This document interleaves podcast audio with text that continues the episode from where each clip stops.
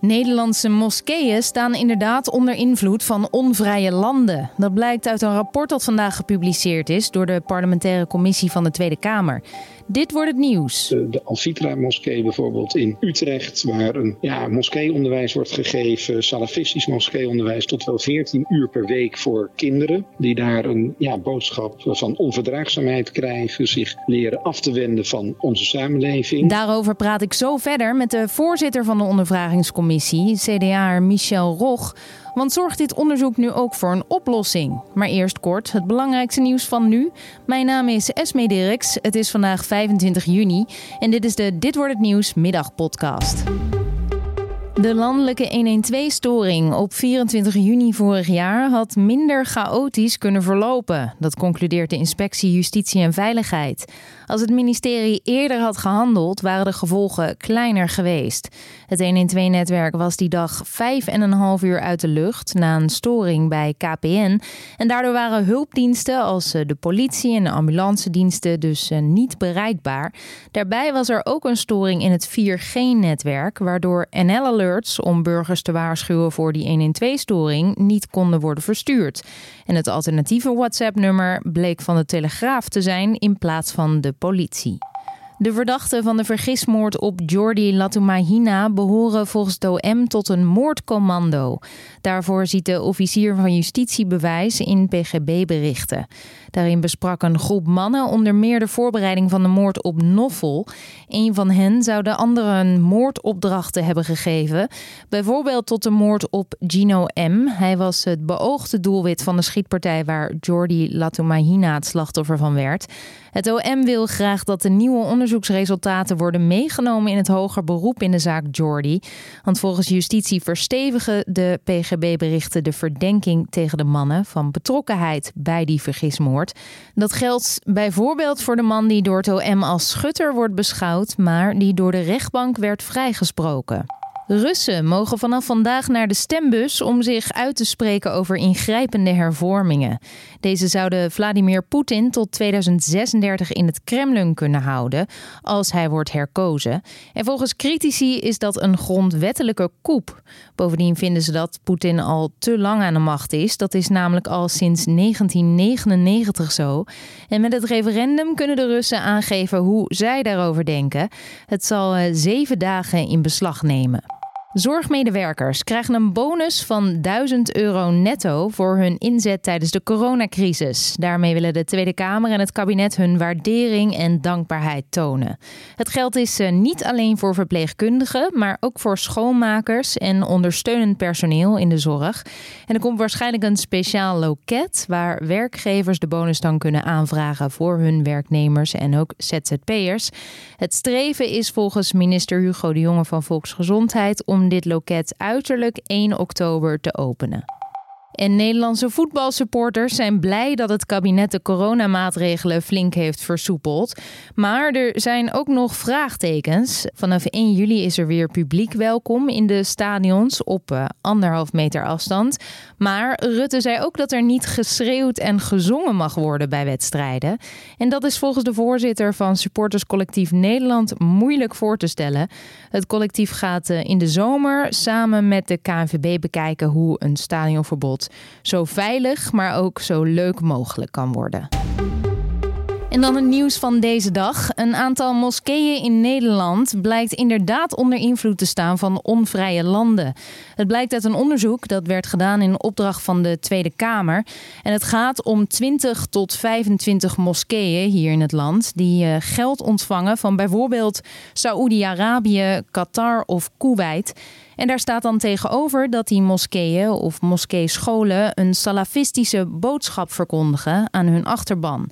Daarover praat ik met de voorzitter van de parlementaire ondervragingscommissie, CDA Michel Roch. Wat we hebben eh, gezien is soms dat moskeeën ook echt overgenomen worden uh, door uh, financiers uit het buitenland.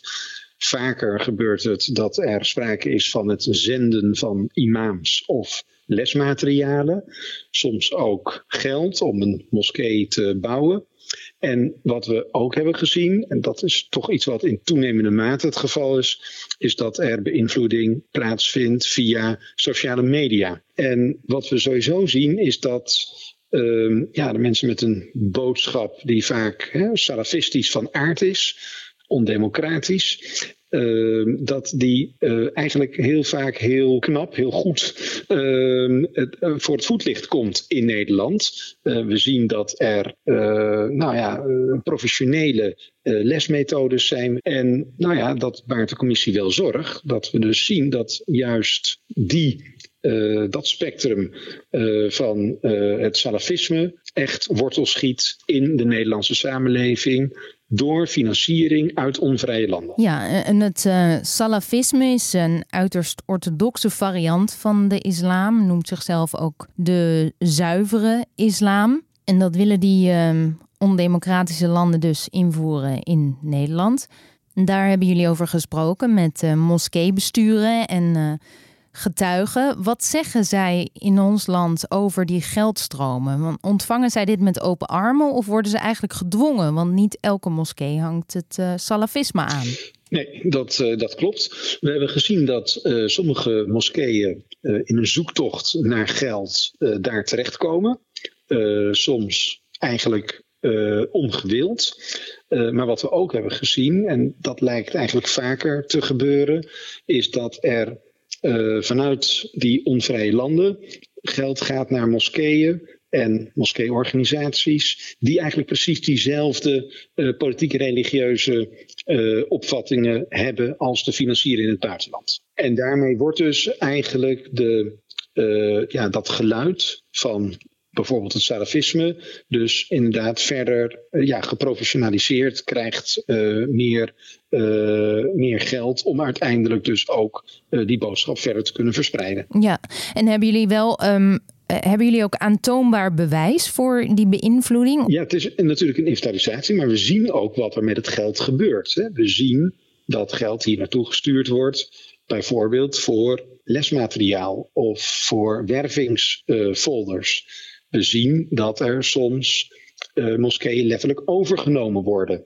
Uh, hè, dat er met geld uit het buitenland een moskee wordt gesticht of overgenomen.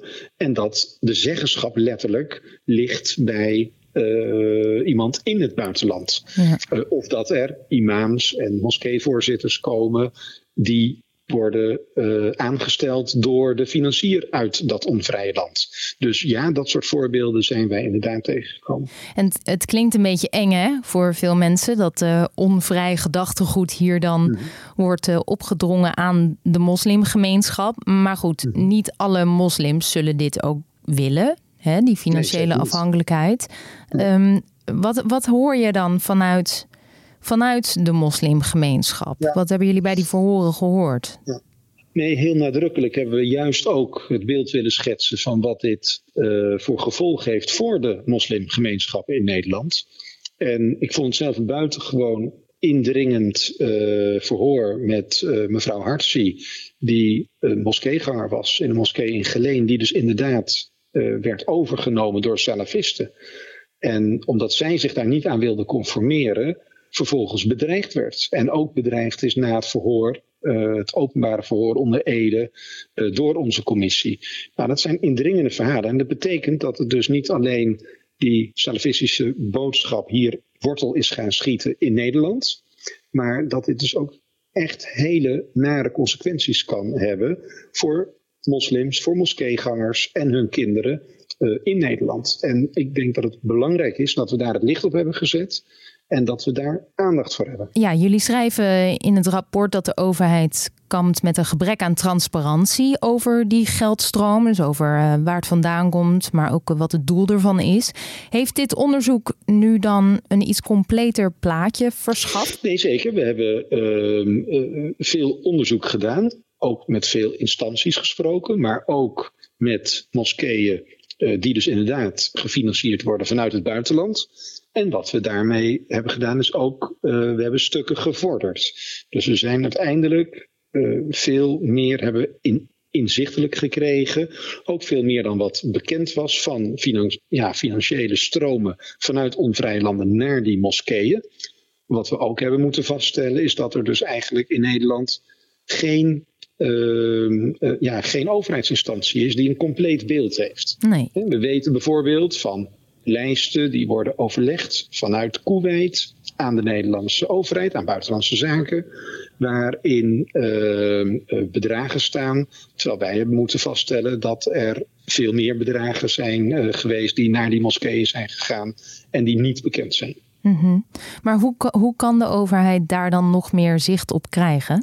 Ja, dan kom je eigenlijk een beetje in het palet van uh, mogelijke maatregelen. En de commissie heeft in het onderzoek uh, gekeken naar, nou, hoe gaat dat ook in andere landen, maar ook de vraag gesteld aan alle getuigen en deskundigen die we hebben gehoord, zowel in het vooronderzoek als in de openbare verhoren. En daar is eigenlijk een heel palet aan mogelijke maatregelen aan de commissie aangereikt.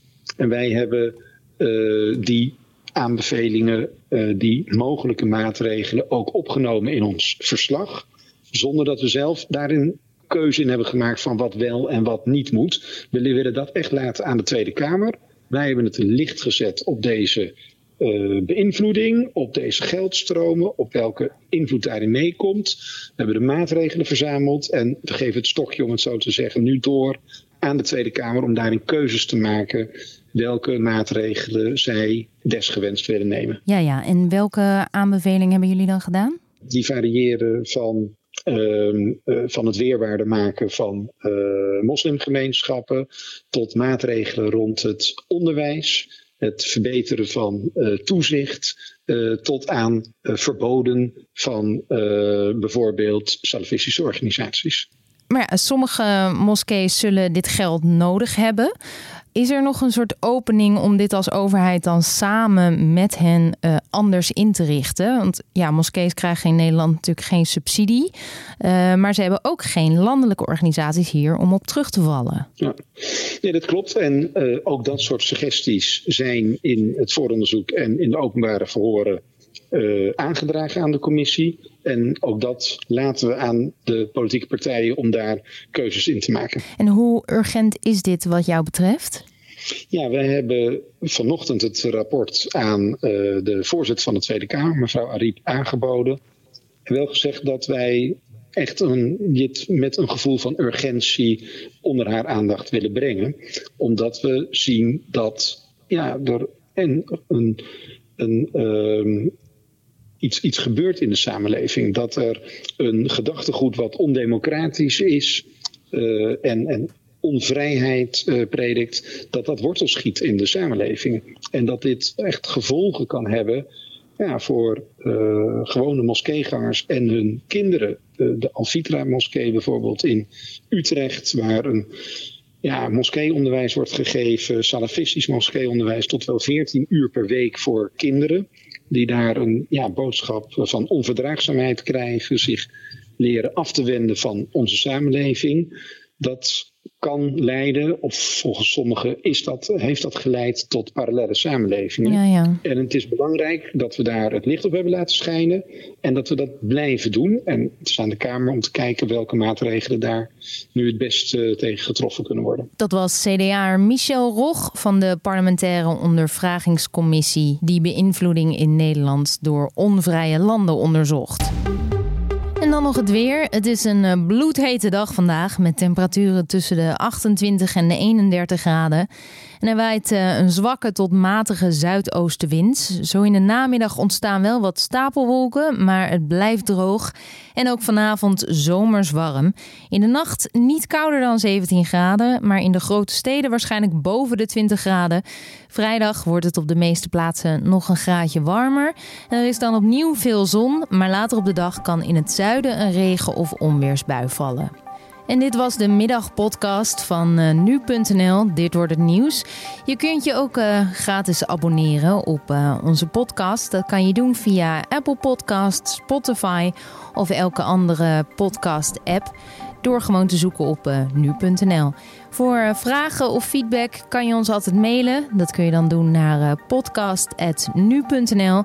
Ik wens je nog een hele fijne avond en we zijn er morgenochtend weer met een nieuwe aflevering van Dit wordt het nieuws.